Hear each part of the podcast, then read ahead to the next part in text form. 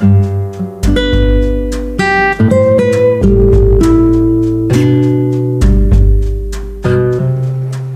semua, sebelum memulai podcast, kita kenalan dulu ya. Nama aku Nazira dari kelas 11 IPS 2. Di sini aku ingin membahas tentang pertumbuhan ekonomi historis culture dan Werner Sombart.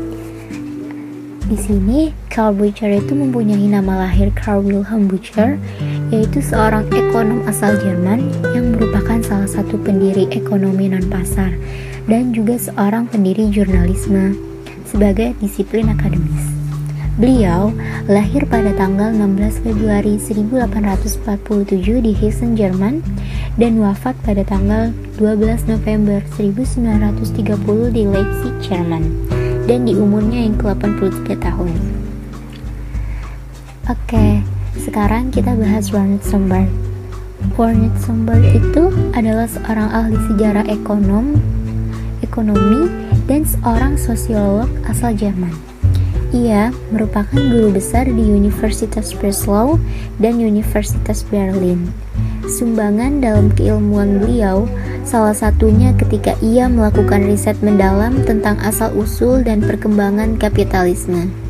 Beliau lahir pada tanggal 19 Januari 1863 di Ermsleben, Falkenstein, Jerman dan wafat pada tanggal 18 Mei 1941 di Berlin, Jerman dan di usianya yang ke-78 tahun. Oke, ini sekilas info tentang beliau ya. Um, by the way, apa aja sih yang kalian tahu tentang pertumbuhan ekonomi historis? Aku pengen tahu deh. Yes, bener banget. Secara garis besar, teori historis itu menitik beratkan pada proses perkembangan perekonomian masyarakat, mulai dari tahapan prasejarah hingga tahapan industri, masyarakat dunia, dan masyarakat berkonsumsi tinggi. Tapi sekarang kita bahas lebih mendalam yuk di statement Carl Butcher dan Werner Sombart. Menurut Butcher, mencetuskan teorinya bahwa pertumbuhan ekonomi nasional itu dipengaruhi oleh hubungan antara produsen dan konsumen melalui tingkatan rumah tangga tertutup, kota, kemasyarakatan, hingga dunia. Dan di dalam teorinya, itu berkembang dari kondisi sederhana yaitu dari rumah tangga tertutup menjadi rumah tangga dunia. Butcher juga mengungkapkan bahwa pertumbuhan ekonomi suatu negara itu didasarkan oleh hubungan konsumen dengan produsen. Dan ada juga tahapan pada teori ini. Yang pertama itu ada rumah tangga tertutup, yaitu masyarakatnya yang hanya memenuhi kebutuhan kelompoknya sendiri. Dan yang kedua itu ada rumah tangga kota yang sudah muncul hubungan antar desa dan desa dengan kota. Yang ketiga, ada rumah tangga bangsa atau kemasyarakatan, yaitu perdagangan antar kota yang akan membentuk satu kesatuan masyarakat yang melakukan pertukaran dagang dalam negara.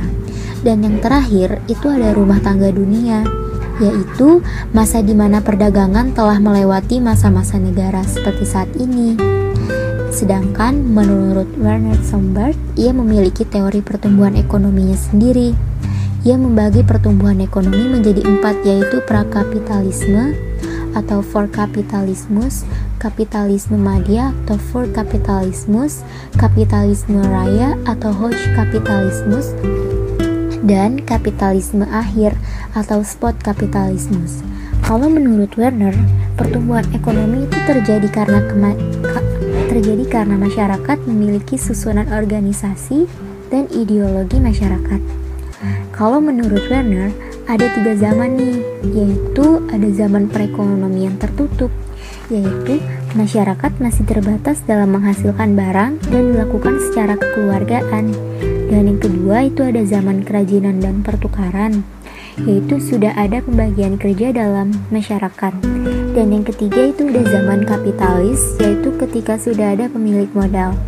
Oke, pasti udah pada paham dong ya tentang pertumbuhan ekonomi historis yang barusan aku udah jelasin.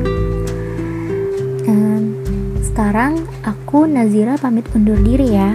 See you in the next podcast guys.